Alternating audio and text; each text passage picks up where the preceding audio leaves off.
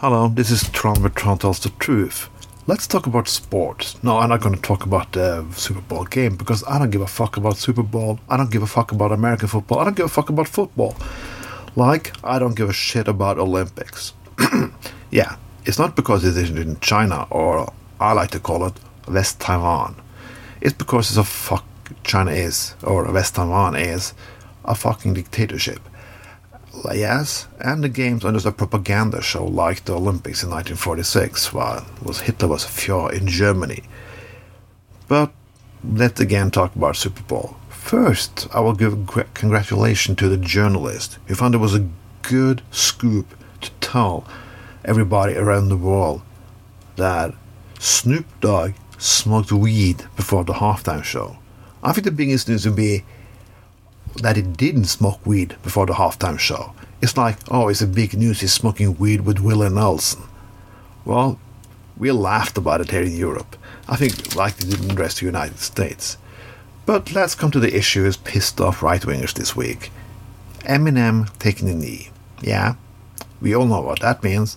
And it seems to piss off conservatives. You know, conservatives who talk about cancel culture 24 7. But they will not have it that athletes take the knee because it's about human rights and dignity. It's against police violence, and it cannot do that. Rudy Giuliani had a rant on Fox News. It was incredible that I had to take a drink afterward. The man is still batshit fucking crazy. The funniest thing, the funniest thing about this case is that NFL should have to tell Eminem not to do it. Yeah, the rumor said that they told him several times you should not take the knee. If you tell Eminem many times that you should not do anything, it's a very good chance that he do it. It's like telling a horny teen that she will not go into that web page, not go on that web page because it can be people fucking in there. Yeah, it's a good chance that he will go in and watch people fucking in there. I don't know why the conservatives are so pissed. And many pissed commentators are like, they're mixing, mixing uh, politics into sports. Yeah, because that have never been done before. I've seen sport arrangements in the United States where they're honoring the military.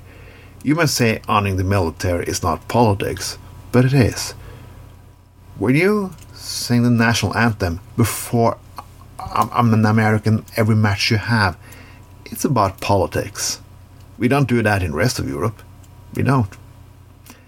Uh, everything is really politics into it, but there are some politics who's more important than other. It should be normal politics or act of decency, like not killing people. That should be something to agree about.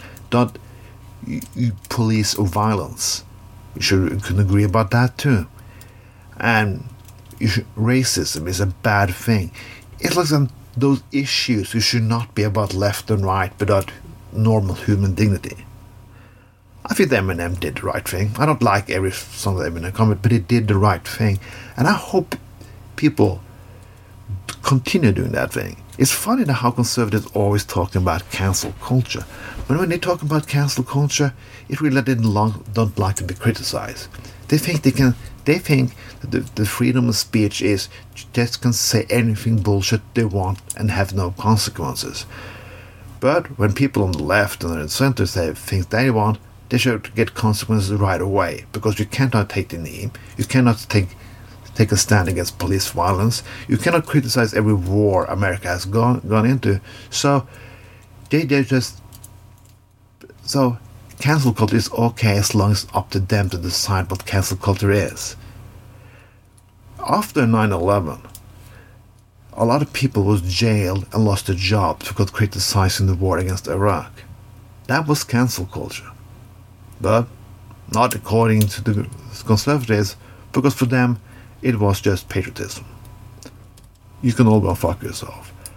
I think, and in the here, I would just say, Stop watching sports. Stop glorifying sports. Don't give a fuck about Super Bowl. Don't give a fuck about any sport. Go out and live a life, have fun, and spot fuck athletes. They're not fucking big heroes. They're just normal people like you and me. This was Tron with Tron Tells the Truth. Have a nice day.